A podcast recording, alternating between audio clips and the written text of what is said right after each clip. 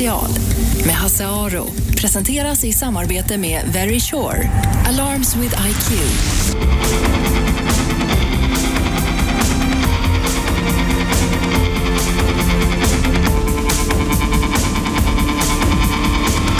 Efterlyst special. Idag är det en stor ära för mig att eh, få välkomna Anders Roslund och Börje Hellström. Roslund och Hellström författar duon som blivit väldigt framgångsrika och som kommit med eh, sin nya bok nu, Två soldater, kom ut förra veckan. Välkomna hit. Tack. Den här boken, Två soldater, det är er sjätte bok. Eh, Berätta lite om den. Det är en bok som vi egentligen hade klart för oss att vi skulle skriva efter vår första bok. Vår första bok heter Odjuret och vi hade varit på Bokmässan i Göteborg 2003. Och på väg hem, vi hade pratat om det här ämnet som låg oss båda så nära eftersom vi båda hade jobbat som övervakare åt väldigt unga gravt kriminella killar. Och eh, vi visste att vi skulle skriva den boken och på väg hem från Göteborg så kliver jag fram till Börje och så säger jag, nu har vi slutet och nu har vi början. Och sen väntade vi in tiden på något sätt va? och tänkte efter vår femte bok, Tre sekunder, som vi skrev för tre år sedan, att nu är det dags. Och då startade man också lite utredningar om, om just gängkriminalitet och tiden fanns där. Och nu när vi befinner oss i 2012, maj, så ser vi oss omkring och löpsedlarna och nyhetsprogrammen har på något sätt förstått att gängkriminalitet är en, en fråga som vi behöver diskutera. Så då, vi tajmade väl tiden lite grann med att vänta och då blir en roman, det är ju en roman, det är en underhållsroman som ska vara spännande och så, men det kanske också blir möjligen del av tiden. Så vi hade tur på så sätt. Mm. Men då kan man säga att ni väntade tio år på att, på att det skulle ramla in på något sätt. Ja, kan man säga.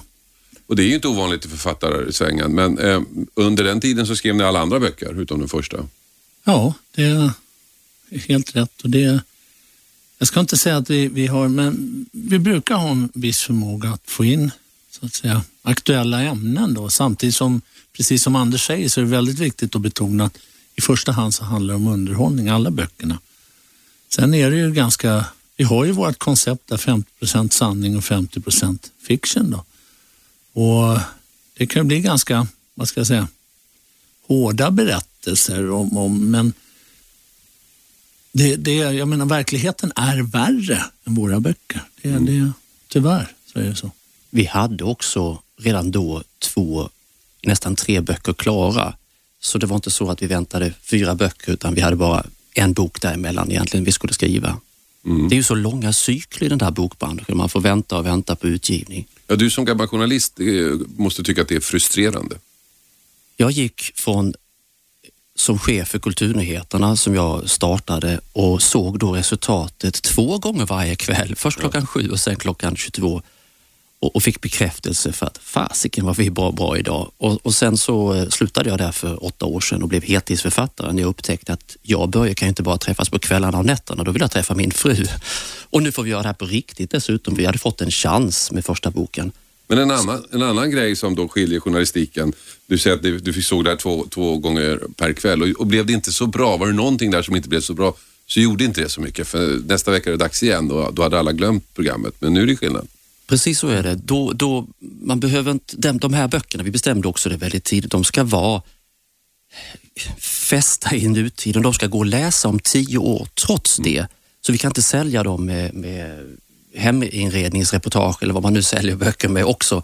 Utan vi måste sälja dem bara med boken och då får vi arbeta tills vi är klara med varje bok, tills vi tänker att nu har, en sån här bok har ingen skrivit och vi har inte själva heller skrivit en liknande bok förut. Nu står den på egna ben och förhoppningsvis kan man låna den på biblioteket om tio år och den står fortfarande på egna ben. Ehm, så är det inte med ett nyhetsprogram. Nej, så är det inte med böcker heller väldigt ofta. Samtidigt så tog den två soldater mig. Den tog tre år för oss och, och från start till, till mål.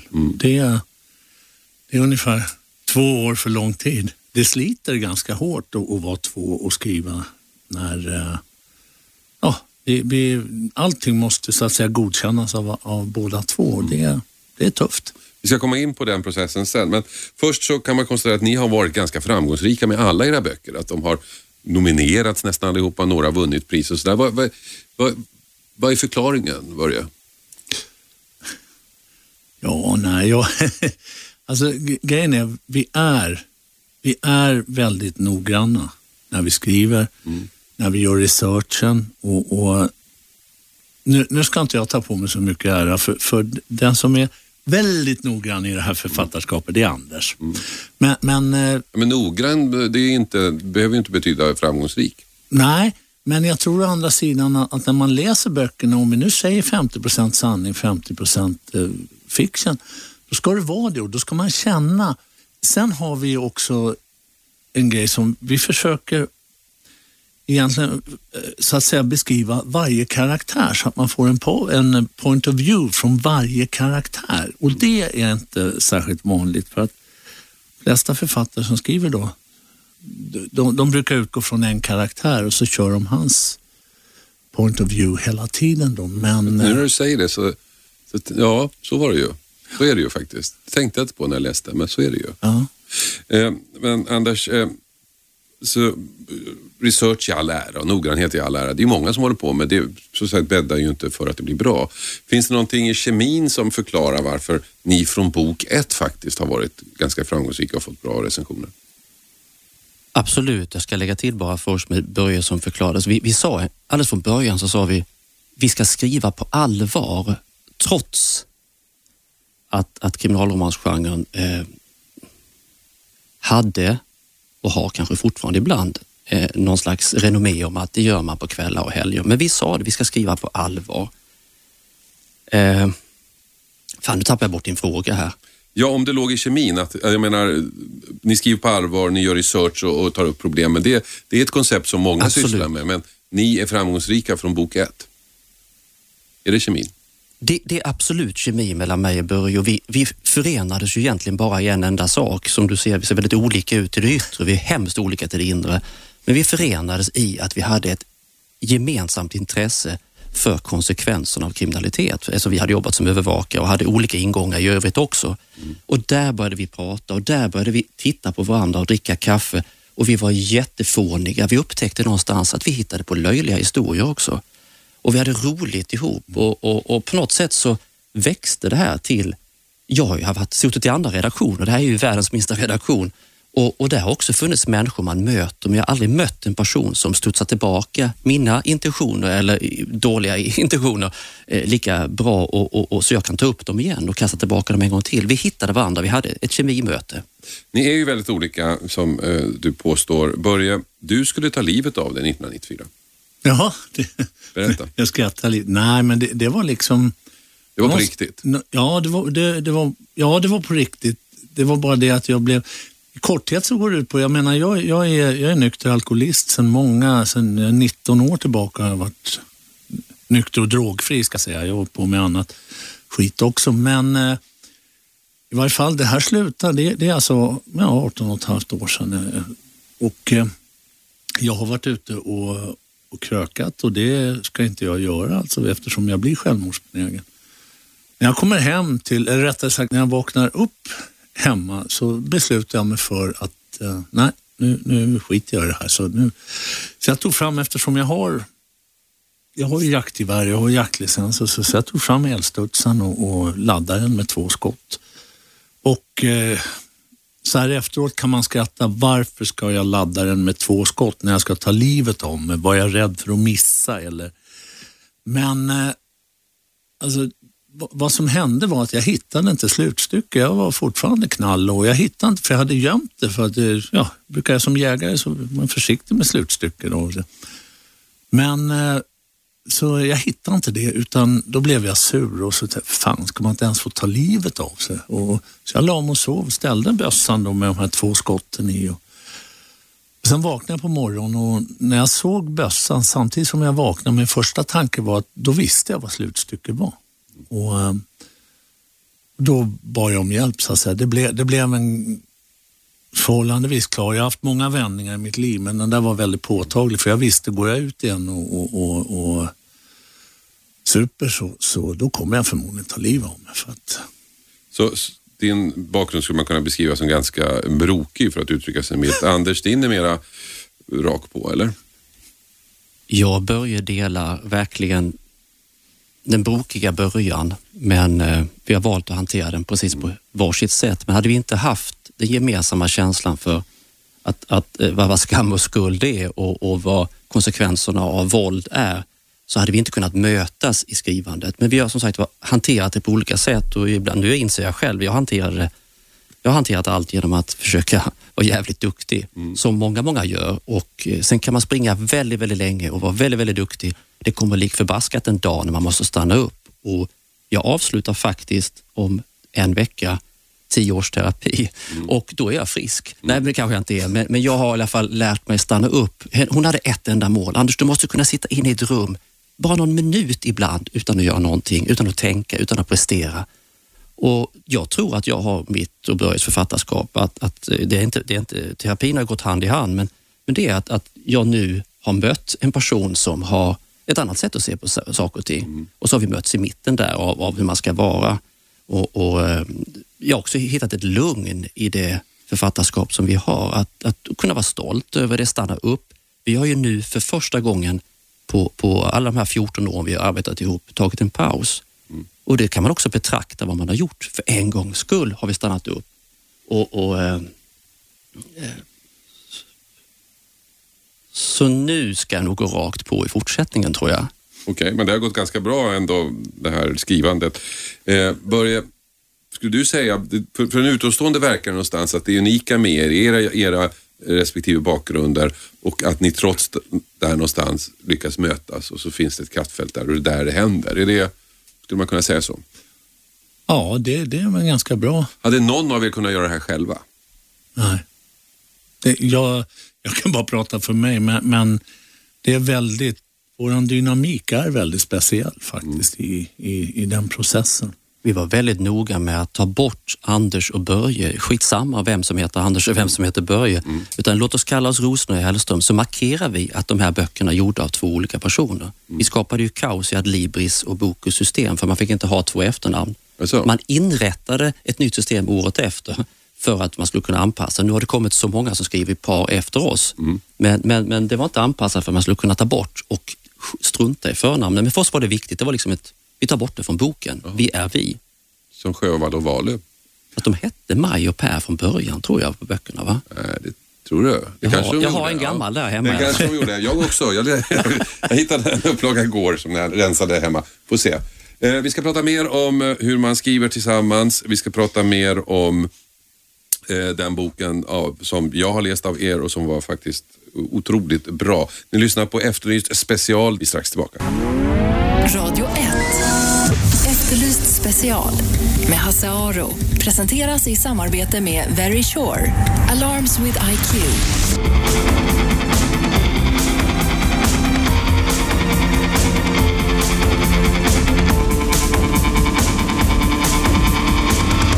Välkomna tillbaka. Efterlyst special. Jag har författare som är gäst, Anders Roslund, Börje Hellström.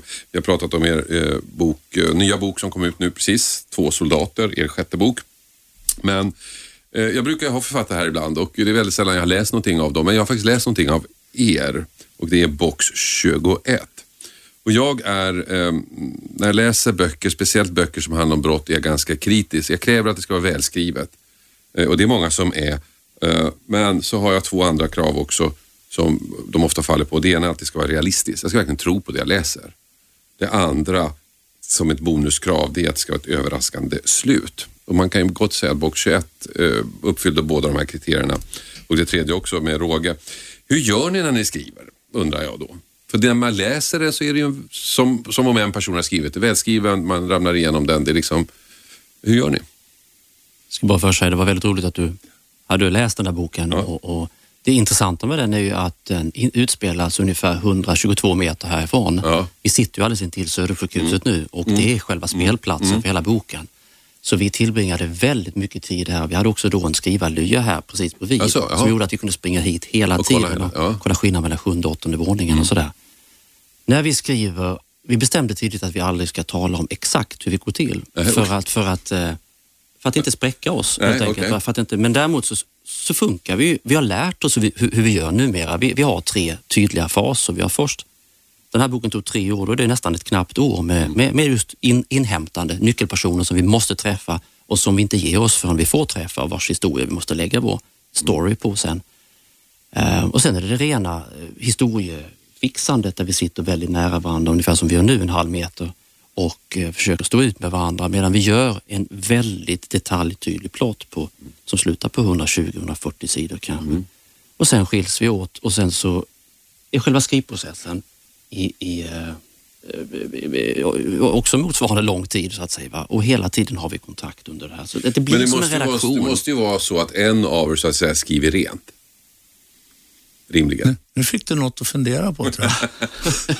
Ja, jag hade Maj Sjövall här förut eh, och hon pratade just om det här, skriv, hur gör man när man är två? Men hon menar ju att de skrev båda två. Och de skrev olika, läste varandra, kritiserade varandra. Så sådär. Jag vet inte.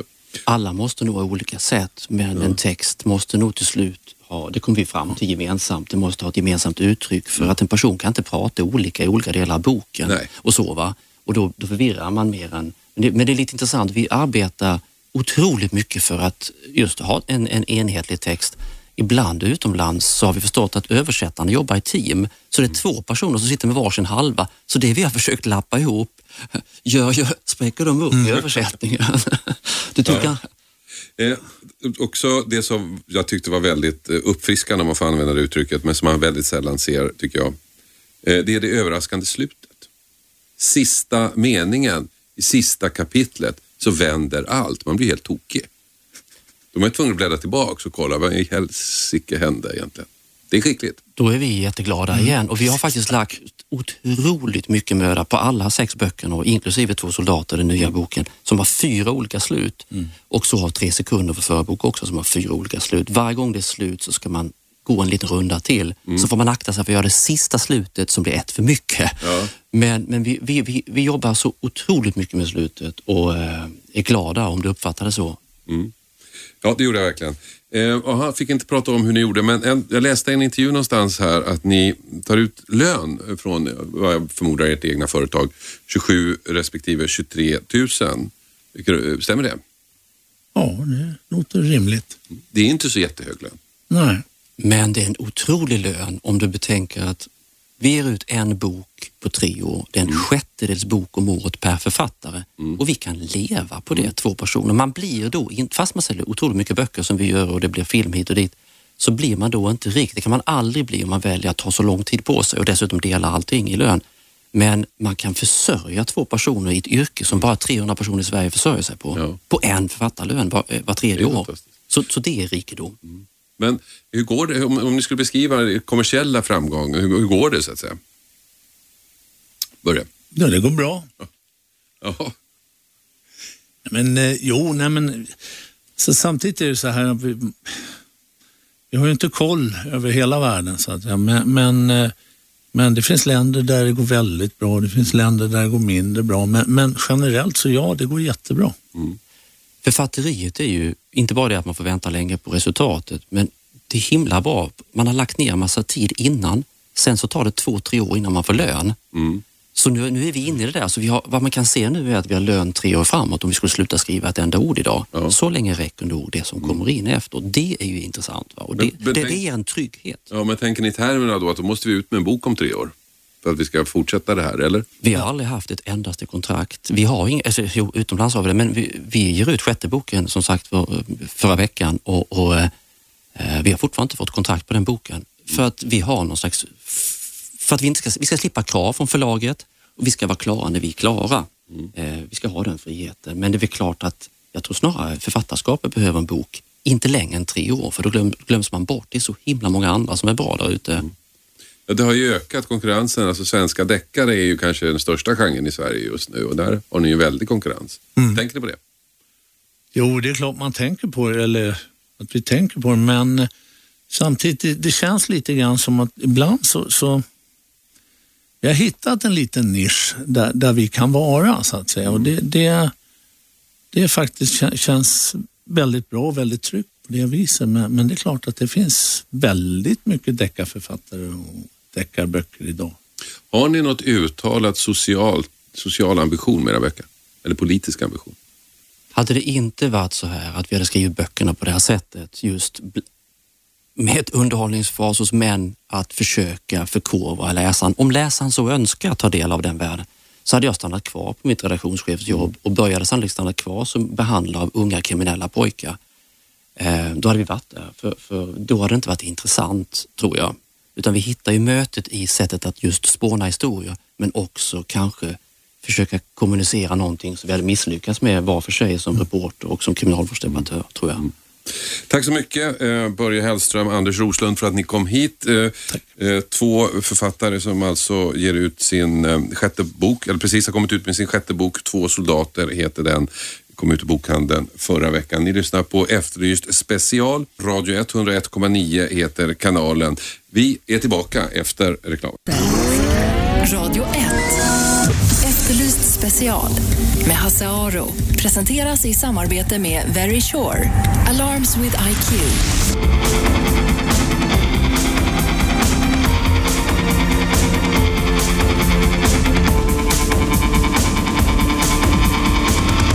Välkomna tillbaka till Efterlyst special. Vi ska fortsätta på deckarförfattartemat. Eh, För jag har ytterligare en författare, Måns Kallentoft här. Välkommen hit. Tack ska du ha. Du har skrivit nio böcker och de sista fem handlar om eh, Malin Fors heter hon, polisen, i Linköping. Och den senaste heter Den femte årstiden och har precis kommit i pocket. Du, eh, berätta om dina böcker, om, om, om, om de här deckarna. För de som inte har läst, vad är det för något? Ja, det handlar om då Malin Fors som är kriminalkommissarie i Linköping. Hon är, ja, det, serien börjar, är hon 34 år gammal. Hon är eh, plågad, eh, plågad själ kan man väl säga. Och de, de fyra första böckerna i den här serien de följer årstiderna. Så första heter Midvinterblod, den andra heter Sommardöden, så kommer Vårlik och Höstoffer och så knyts det samman med den här boken, femte årstiden. Vad är då en femte årstid? Det är väl, ja, man kan säga att det som kännetecknar den här tiden, perioden i den här boken, det är väl att vädret och makterna har blivit helt förryckta. Det liksom kan vara nästan som sommar ena dagen och så är det som vår nästa och så som höst. Den tredje, det är väldigt tvära kast, som det onekligen kan vara i vårt land ibland. Sådär. Jag tyckte jag såg på din hemsida att du skriver deckare noir. Eller så lo- såg jag fel? Nej då, det tycker jag nog absolut man kan säga. Det finns i varje fall om man tar klassiska noir-genren och även mycket film. Vad som kännetecknar den med långa skuggor och gallermönster och uppgivna hjältar som man vet det kommer gå åt skogen för på något sätt. Så eh, allt det där finns ganska mycket i mina böcker skulle jag vilja säga. I bilder, alltså I skrivna, bilder, skrivna i skrivna bilder och i, i färgsättning och av, av, själva scenerna i boken, i språket. Så, att säga. Mm, mm. så det gör det, det stämmer. Jag älskar noir själv. Du, du, du började med andra böcker Ja, och sen gick du över till deckare för att det var mer lönsamt, eller? Ja, det var definitivt en av, eh, en av, en av sakerna. Nej, men jag hade skrivit fyra böcker och hade fått priser och jättebra kritik och sådär, men det tog liksom inte skruv. Ingen köpte de här böckerna. Jo, några, men det var inte så många. Och som författare så är det ju, när royalty-rapporten kommer, det är den, kan man leva på det eller inte? Och jag, jag såg ingen möjlighet realistiskt att det skulle kunna hända och jag ville verkligen göra det och då motvilligt så skrev jag väl den första deckaren kan jag säga. Mm. Men ja, jag tyckte jag skulle prova i varje fall. Och då la du upp då liksom en mall. Så här ser en svensk deckare ut så jag får väl, jag får väl göra det. ska ha en tjej i huvudrollen. Det ska utspela sig i en, en Ja. stad som inte är Stockholm. Eh, var det liksom en rent... Alltså, i- till Krasst. början var det ganska krasst och lite vad ska man säga, metodiskt så att eh, kolla. Och Då kom jag fram till att de flesta deckare då, det är några år sedan, det är inte så många, men eh, det var, den hjälten var en typisk man i 55-årsåldern, Kurt Wallander, dricker för mycket, jobbar för mycket har ett taskigt familjeliv. Och uttjatad men älskad karaktär. Så då tänkte jag, vad händer om jag tar den här karaktären och gör det till en ung tjej istället, som har livet framför sig och, och ger henne precis samma problem. Och när jag kom på det där så var det som att hon, hon, hon fick eget liv rätt snabbt. Sådär. Mm. Du har Ja. beskrivit henne på din hemsida och det låter Ja. nästan som du är kär i henne. Kanske lite faktiskt. Det låter som en ball tjej och eh, när du beskriver henne tycker jag att det låter som du i Jo, men hon är den där eh, som man kan tänka sig. Så skulle man hamna bredvid en, henne i en bar en kväll någonstans. Mm. På ett stadshotell eller sådär. Eller var de nu kan hänga, så skulle man nog tycka att hon var otroligt underhållande och intressant och spännande. Men jag tror hon skulle vara fullkomligt hopplös att leva med. Tror du? Ja, jag tror det. Men hon skulle kanske vara spännande då den, den kvällen och uh, ganska farlig. Rätt farlig tror jag. Jo, för hon är ju, hon, hon är ju en person som hon tar det hon vill ha mm. någonstans. Och för stunden ganska mycket och litar på intuitionen och sådär. Jag tror det skulle vara ganska svårt att säga nej till henne. Sådär. Men eh, jag har levt med henne. Jag skriver ju en bok om året och det, då är det ju jobb heltid nästan mm. med henne. Och, och när jag inte skriver om henne så är jag ute och pratar om henne runt om i världen. Och, så det blir, det blir en ganska intim relation med en litterär karaktär som är, som är, som är intressant. Hon har, hon har det som hon har ett eget liv. Sådär, ja. Jag tror ju att en, att en sån här kvinna absolut kan finnas, men i Linköping vet jag inte om man skulle hitta henne där. Jag vet inte faktiskt, men uh, nej, kanske om hon vore en verklig person hade hon tagit sig från Linköping till en mm. större scen eller till en annan scen, en urban storstad. Sådär. Men samtidigt, människor blir kvar av olika eh, familjeskäl och andra fastnar lätt i sina mm. strukturer. Så jag vet inte, man ska nog inte underskatta Nej. Karlstad heller. Nej, man underskattar Linköping heller. Nej, du är själv därifrån. Ja, jag är själv därifrån. Och det här eh, har du sagt är ett sätt för dig att hålla kontakten eller återknyta till din barndomsstad. Ja, jo, det blev lite så. För när jag skrev de andra böckerna, de utspelar sig i Madrid och Bryssel och samtidigt så jobbade jag som journalist och skrev resereportage och matreportage från hela världen och försökte bara komma så långt från Linköping som möjligt. Men sen när jag fick egna barn så, där, så blev det att jag kvar mamma och pappa där i Linköping så blev det att vi åkte ner mycket mer och hälsade på farmor och farfar. Jag kände att, och så skrev jag lite om Linköping i något sammanhang och kände att det där väckte en massa känslor. Så jag har blivit lite som, som det Mm. Faktiskt. Och försöka rota, eller rota är fel, men försöka hitta känslor från när jag var liten. Sådär. Och använda dem. Så. Stämningar i, i staden. Sådär. Du sa att när du skrev de andra böckerna då var royalty-rapporterna inte så kul att läsa. Är de roligare nu? Nu är de mycket roligare. Kan det kan jag villigt erkänna faktiskt. Kan du, kan du leva på det här, på de här böckerna? Ja, då, absolut. Det, det gör dig ganska unik i den här genren. I deckargenren? Ja. Att jag kan leva på böckerna? Ja. Ja, jag, träffar, jag träffar varje fredag här brukar jag ha deckarförfattare. Mm -hmm. Det är väldigt få som kan leva, alltså de tjänar pengar på det men mm. inte, så, inte bara. Inte bara, nej, nej, men jag har väl haft tur. Det, och lyckats komma väldigt högt upp på topplistor och, och, inte bara i Sverige utan en massa länder och ha en bra agent som ordnar fina dealar. I alltså, i, jo, men jag kan absolut leva på det. Vad är det som gör att dina böcker då säljer bättre än andras tror du? Uh, alltså, det finns ju de som säljer mer än jag, det vill jag poängtera. Mm. Jo, men, det finns det. Ja, jo, men, GV, GV säljer bäst. Han säljer bäst och Läck, Camilla Läckberg ja. säljer ju bra, men sen ja. är jag väl där någonstans. Jo, jag vet inte. Det, de är ju lite annorlunda. Det finns ju drag mm. som inte finns hos någon annan. Samtidigt som de är, eh, vill man ha en rejäl svensk deckare så levererar en av det också. Mm. Sen så med att jag till skillnad från många andra skrev en annan sorts, vad ska man säga, riktig litteratur först. Så jag har väl ett lite annorlunda språk kanske sådär och, och så vet jag att Malin är en karaktär som tar tag i människor, det märker jag på responsen. Det är väl, och sen har jag haft, jag vet, haft tur, hitta publik. Mm. Ja, det ena i det andra. Det säger alltså Måns Kallentoft eh, som är fredagsgäst här. Den tredje deckarförfattaren vi har här denna fredag. Ni som lyssnade från början hörde att eh, Nordlund och Hellström var här.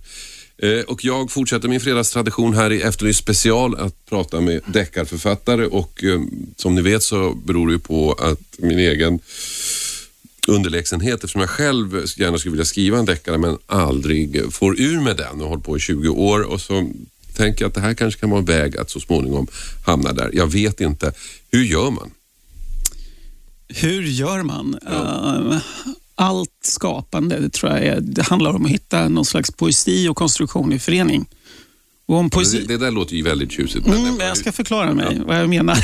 jag vet, det låter ja. abstrakt. Det tog, tog 20 år innan jag förstod vad det betyder. Okay. Nej, men det är som man som du då säkert har ett språk. Du kan ju mm. uppenbarligen skriva. Jag antar att du skriver dina egna manus och mm. sånt där. Mm. Men eh, då kan du se, det är det poetiska verktyget. Sen är ju deckare väldigt mycket en konstruktion. Så studerar man klassisk grekisk dramaturgi och läser lite noir och några handböcker så kan han nog med det, och genom också då använda sina egna erfarenheter och metodiskt gå tillväga skriva en deckare. Det tror jag absolut. Mm. Men jag tror man aldrig kan gå runt det här ledet att på något sätt få det bottna i en själv. Nej. Sina egna, kanske inte erfarenheter, men i varje fall känslor. Men som vad är det då i översätta. deckargenren som du tycker att är du? Som är jag? Ja. Ja, det tror jag är... Ja, det finns en känslighet i böckerna. Mm. Sådär, tror jag. Och en, och en medvetenhet om den sådär, kanske mer konstnärliga processen. Som, Själv jag, tycker jag det är väldigt intressant med moral, brott och moral och prata moral i en större mening. Att människor som Mm. absolut. annars inte skulle begå brott gör det. jag skulle, det kan jag säga också, att kan du hitta, som jag alltid försöker göra, jag lyckas inte alltid, men som jag tror är en extremt bra motor för en deckare, så är det, det är att hitta ett mänskligt dilemma. Mm. Alltså, som i en av mina böcker så är det en man som för att rädda sina egna barn så måste han döda några andra barn. Det är lika hemskt som det låter, men historiskt har ju säkert människor någon gång ställts för det inför sådana val och jag försöker jag försöker hitta sådana dilemman, små och stora, och så spinna vidare från det. Så det, det tror jag kan vara det är en bra utgångspunkt. Hur inte, din din, eh, din eh, deckardrottning då, eller din huvudperson, hon är ju polis. Det är Mm. Ja. inte alla deckare som väljer det. Därför att, eh, jag kan tänka mig för att man känner att oh, jag kan inte, jag vet inte hur poliser jobbar. Hur, pass insatt är du i det, det polisarbetet? Eller hur noga tycker du att det är? Eh, Jag är inte speciellt kunnig i det och jag tycker inte det mm, tycker inte det är sådär supernoga att det är som exakt i verkligheten. För jag, jag, jag arbetar från tesen att det finns alla människor nästan, läsande människor läser deckare. Vi ser det på tv, deckare och crime stories hela tiden. Så det har etablerats någon nivå där vi alla kan vara överens om att det här är tillräckligt sant och tillräckligt likt verkligheten. Och sen är vi mycket mer intresserade, både jag och de som läser mina böcker, tror jag, av människor och, och det som händer dem och öden och äventyr och alltså, känslor. Det är, alla människor brottas med i sina liv på alla sätt. Sådär. Ni lyssnar på Efterlyst special. Jag pratar med Måns Kallentoft som är författare och som skriver eh, deckare nu som handlar om Linköping. Huvudpersonen Malin Fors löser olika sorters brott. Men det här är inte det enda som du är intresserad av. Eh, Du är också väldigt kulinariskt intresserad, förstår. Mhm. Det är min... Det är din riktiga passion. Ja, det jag- jag- skriva och gastronomi, det är väl det som är mina, har blivit genom livet. Mina två sådär. Kan, hinner du odla den sidan också? Ja, ja, det hinner jag. Jag. har alltid skrivit ganska mycket, om sånt och gett ut en bok med reseskildringar i matens tecken. Sådär. Och nu håller jag precis på med en ny bok som ska komma i ja, februari om gastronomi och resor och sådär också. Ja. Men under några år när det började ta fart med deckarna så tappade jag det där helt och det är lite som... Jag kände att jag vill, jag vill hålla på med det också, för jag, jag, jag älskar det verkligen. Och det, Men handlar det bara om att äta eller handlar det också om att laga? Inte så mycket om att laga, om att resa runt, äta, träffa galna kockar som, med de mest passionerade människorna man kan stöta på. Jag älskar den här bordets magi när man sitter med vänner och långt och länge in på natten och vinet flödar och samtalen flödar och det är nästan som tiden försvinner, den upphävs. Man går in i liksom en magisk flytande värld som bara finns några timmar. Sådär. Är det svårt att förmedla den då skriftligt? Jag vet inte om jag lyckas. Jag försöker. Det, är, ah, det där är skrivande drivet av passion, så jag hoppas jag lyckas ibland. Mm. Det, det bestämmer man ju inte själv. Sådär, så det, jag, jag försöker. Vi ska fortsätta prata med dig Måns om en liten stund. Det är nämligen så att jag har upptäckt att du och jag har en gemensam egenskap. En egenskap som inte på något sätt är socialt accepterad. Ja, Vi pratar om det efter pausen. Åsikter. Radio 1. Efterlyst special med Hasse Aro. Presenteras i samarbete med Very Sure. Alarms with IQ.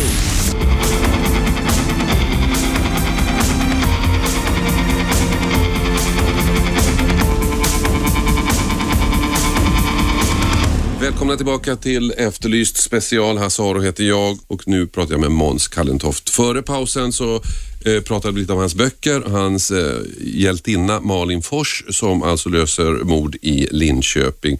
Malin är en ung stark kvinna som försöker hitta sin väg i livet, en våldsam och farofylld väg. Det är Måns egna ord antar jag. Men nu ska vi prata lite om Måns och före pausen sa jag att jag upptäckte att vi hade, vi har faktiskt flera, du har, du har gjort en lista här på olika egenskaper, tycker jag är jättepraktiskt. Och vi har flera grejer som vi eh, har gemensamt, men det är en sak som eh, nästan lika förbjudet som pedofili. Det är fullständigt socialt oaccepterat. Pedofili. Eh, Och det är, du skriver, du lyssnar aldrig på musik. Ja, det, det stämmer. Det gör jag. Jag är född komplett tondöv. Ja. Och eh, det, när jag gick i skolan och försökte lära mig spela mandolin så blev jag utkastad av en ilsken rumänsk mandolinfröken. Mm. Och där tror nog min musikkarriär slut. Och jag, jag önskar, men jag, jag, får bara ont i huvudet av musik. Jaha. Och lyssnar jag på någon musik, då är det musik som Bob Dylan och sånt, där texten egentligen är överordnad. Mm. Jag har, min, min musiklärare innan jag gick ettan, då är man sju år. Ja, man är Då, inte... då sjöng man upp på den tiden och så fick man betyg. Och jag och min kompis Thomas Åshage, vi fick båda ettor. Men då sa hon till mig, i ditt fall för att det inte finns något lägre. Thomas, han försökte i alla fall. Ja. Jag vet inte om det var där någonstans, men jag upptäckte att säger man till folk, nej jag lyssnar aldrig på musik, så blir folk nästan lite provocerade. De blir provocerade, absolut. Och eh, verkligen tycker jag att det är något fel på en faktiskt. Mm. Sån här. Och det, det, jag skulle vilja ha musiköra och kunna sitta Mm. och lyssna på Bach i timvis som vissa kan och hitta. Ja, nej, jag Magi gillar musik, spe- speciellt stora känslor. Så här. Mm. Men aldrig att jag, när jag sitter i bilen så kan jag lyssna ibland bara för att jag inte har något annat att göra. Men det här att ständigt ha bakgrundsmusik har jag aldrig förstått mig på. Nej, då har jag inte, och inte när jag skriver heller för den delen. En annan sak som vi har gemensamt tror jag, Mm. eh, hoppas jag att jag har tolkat ordet rätt. Ja, Du hotellknarkar. ja, jag älskar hotell Ja. av alla sorter. Nej, inte av alla sorter. Jag älskar bra hotell. Och är liksom intresserad också, det ligger väl nära gastronomiska och resegrejen, att Mm. intresserad av vad som gör ett bra hotell och hur det funkar med service och hur får man till det och vad skiljer sånt där Mm. ifrån. Liksom, och vad, vad, sådär. Och, och de här hotellen, många stora hotell i världen som har funnits länge, de, de har ju ett eget liv som är mycket större än vi som är gäster eller de som jobbar där för stunden. De kommer ju med stor sannolikhet finnas kvar flera hundra år efter att vi är bortglömda. Ja. Sådär. Jag håller med dig. Och, ehm, så förut när jag var yngre så sa vi, eller det finns människor som reser som säger, men hotellet är inte så viktigt, man ska ju bara bo man ska bara sova där. Och det där förstår jag inte alls. Hotellet tycker jag nästan är viktigast. Jag tycker det är otroligt viktigt också. Det, det är det, för det, det sätter ju tonen för allting och, och, och, som man gör och sådär. Och, Jag får ibland frågan, här, vad är det första du gör när du kommer till ett hotellrum? Jag brukar svara, byter. byter. Ja, Är jo. du sån? Ja, om jag inte får ett rum som jag gillar, då har jag inga problem att byta. Och, och får jag nej så har jag inga problem att skälla heller och sådär. Men eh, det gör jag. Vilket är din favorithotell? Favorithotell, det är definitivt, eh, det måste vara Oriental i Bangkok. Mandarin Oriental i Bangkok. Mm. Där jag bott många gånger genom åren och så firar jag nyår där varje år. I Okej. floden. Ja, Magiskt. jag har inte bott där, jag. Men jag har bott på Mandarin Oriental i, i, i Malaysia och på Filippinerna tror jag. Ja, nice. Det är väl ungefär same, same, same. Annars tycker jag att mitt absoluta favorithotell det är hotell Fiskatorpet, Helsingfors, gamla delen. Gamla delen, där har jag aldrig bott, ska Nej. villigt erkännas. Ja, nej, men det, det är, Helsingfors är ingen stad man åker till. Sådär. Nej, nej, men- men... dina böcker kanske kommer på finska så får du anledning. Jo då, det gör de. Jag har precis bytt förlag i Finland. Så det, Alltså, då kan du säga till det finska förlägget att jag vill bo på Fiskatorpet, gamla delen. Gamla delen så blir de imponerade. Men du, det här med matintresset. alltså när man läser din hemsida så, här, så, så får man ju en känsla att det här är mer än ett intresse. Det här är verkligen någonting som betyder mycket för dig. Eh, Ja, det gör det. Det betyder jättemycket och det betyder saker på djupet. Så den här nya boken så har jag försökt gå, gå till botten med varför det betyder så mycket för just mig. För det är ju så mycket betyder för väldigt få människor. Och det är det. Sen, sen jag var liten så har väl liksom det här bordet varit förknippat med allt det goda i livet. Liksom min mormor var kokerska och jag var mycket och sen när jag var liten. Och min farmor hade sex ungar och stod vid spisen dagarna i ända och lagade husmanskost. Och det var rått men hjärtligt. Det var alltid en väldigt sådär, viktig punkt. Så jag har nog liksom jagat de där ögonblicken hela, hela, hela, hela livet. Säkert då för att slippa ta tag i andra saker. Men det är, sen läste jag en undersökning att, eh, precis som då musik, vissa är fullkomligt tondöva, så har vissa människor alltså, mer utvecklat smaksinne.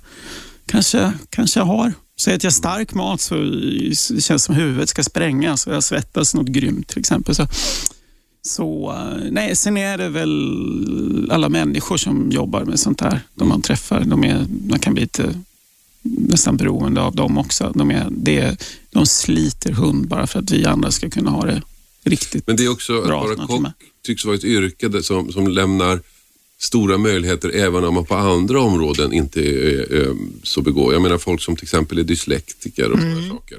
Bli, kan bli kockar och hur bra som helst. Ja, ja, många- Flera stycken kockar som jag känner som är dyslektiker. Ja, ja, jo, det finns, eh, det vet jag, flera också.